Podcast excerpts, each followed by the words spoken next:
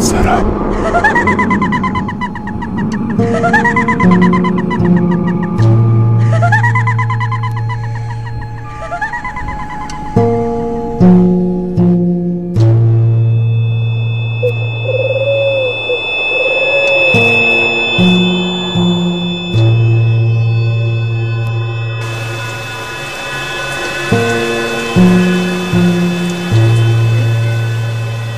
Malam itu aku sedang tidak sadarkan diri.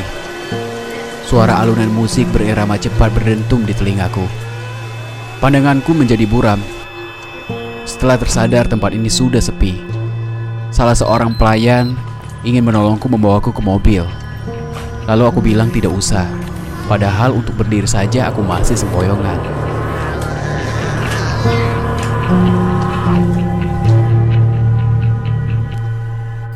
Kali ini badanku sedang menempel pada lempengan dinding, lalu aku membuka pintu.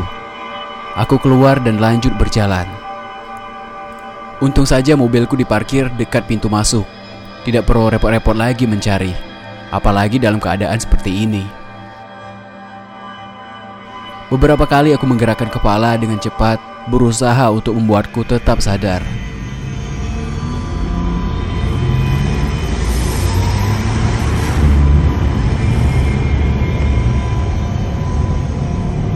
Aku menjalankan mobilku sambil mengambil botol air mineral dan meminumnya. Itu membuatku agak sedikit sadar. Mobilku berjalan pelan. Jalanan Cihampelas malam itu sangat sepi.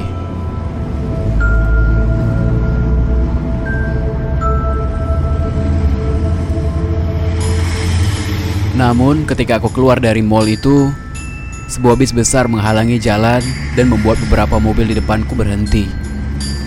Aku sudah ingin cepat sampai ke rumah karena sudah tidak kuat ingin tidur. Lalu aku berbelok ke arah kanan, ke arah jalan satu arah yang akhirnya aku harus belok ke kiri, ke jalan yang sepi dan tidak tampak seorang pun di jalanan itu.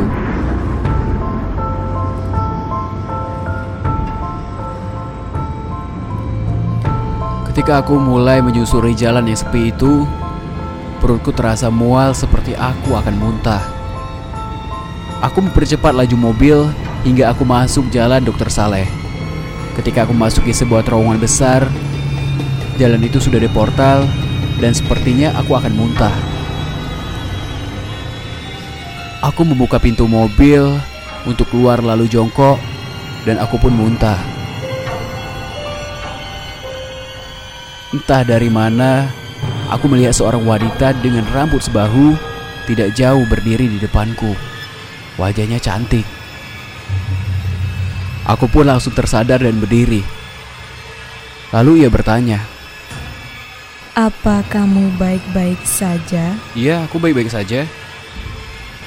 Lalu dia berbalik dan melangkah pergi. Aku pun penasaran dan memanggilnya.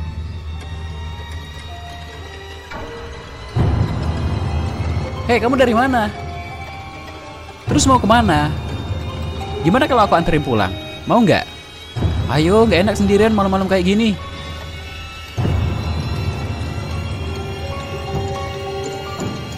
Dia pun berbalik sambil tersipu malu. Dia pun masuk ke dalam mobil dan duduk di sebelahku. Aku banyak bertanya tentang dia. "Eh, rumahnya di mana, Neng? Sana, Mas. Dan dia menjawab dengan suara yang lirih. Mobilku terus mengikuti arah yang dia tunjukkan.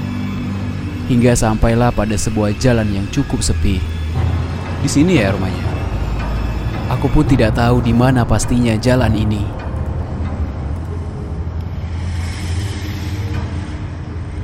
Hanya ada beberapa rumah dan dikelilingi pohon yang cukup besar.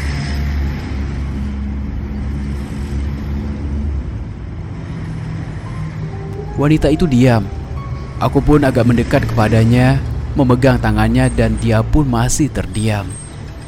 Aku masih memegang tangannya dan lebih mendekatinya lagi. Jantungku sedikit berdegup. Namun aku mulai merasa ada yang aneh. Rambut wanita itu kini terlihat lebih panjang. Tangannya mulai terasa dingin dan saat aku lihat wanita itu kini sudah berubah menjadi sosok yang sangat menyeramkan. Rambutnya semakin panjang, mukanya pucat, dan kedua bola matanya merah.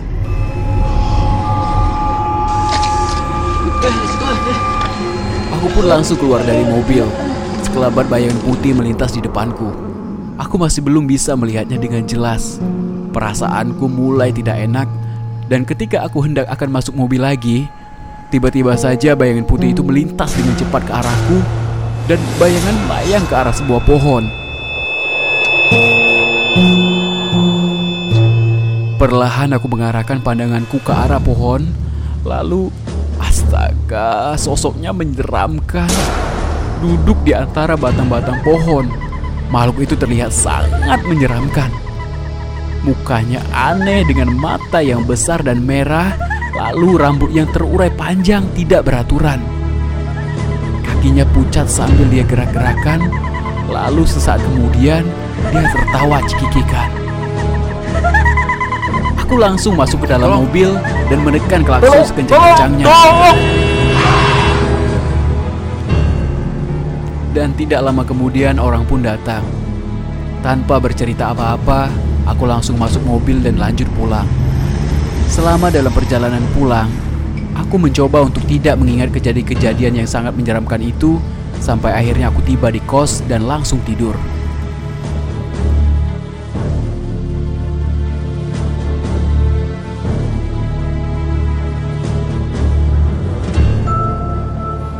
Entah, aku tertidur berapa lama. Ketika aku terbangun, aku masih mengenakan baju yang sama. Aku lihat ruangan sekitar kamarku gelap. Aku bangun dari tempat tidurku dan mencari saklar lampu. Kali ini sakit di kepalaku sudah hilang. Aku langsung menyambar handuk dan langsung mandi. Tapi aku mendengar suara yang aneh.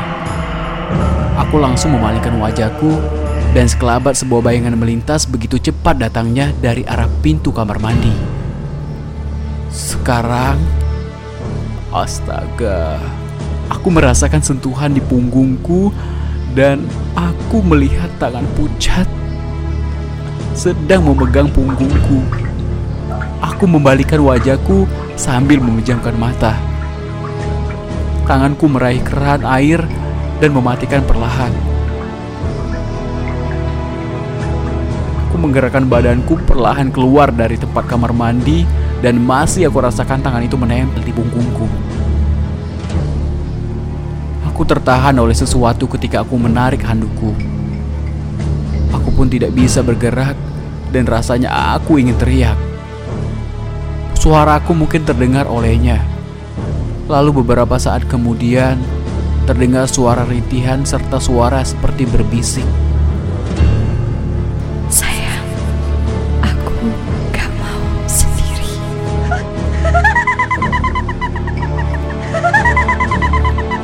Benar-benar ketakutan. Aku berlari keluar kamar dan astaga, sekarang sosok perempuan itu sudah berdiri di depan pintu terduduk lemas. Perempuan itu tertawa cekikikan seakan mentertawakanku. Aku memegang lutut dan menyembunyikan kepalaku. Aku tidak mau melihat sosok perempuan itu. Dan hantu perempuan itu bergerak. Aku bisa mendengar suaranya. Suara dari tulang-tulang yang bertabrakan dan aku bisa merasakan perempuan itu sedikit menyentuh kepalaku sambil berbisik. Aku suka kamu, kamu, kamu, kamu. Dia tertawa dan badanku lemas. Tubuhku bergetar semua. Sampai akhirnya aku pun tidak sadar.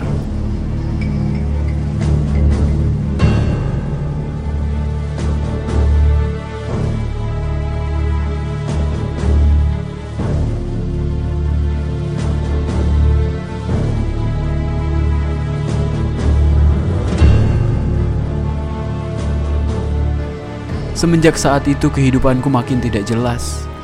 Setiap hari aku sering melihat sosok wanita itu. Kadang dia hanya lewat saja.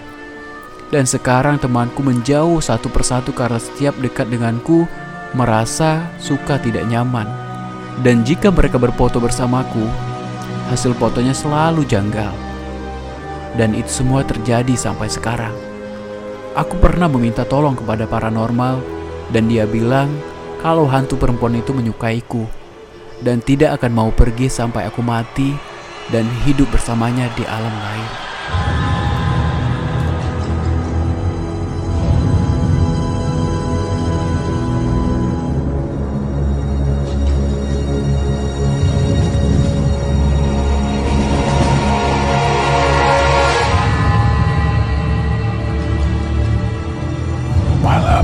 Serap.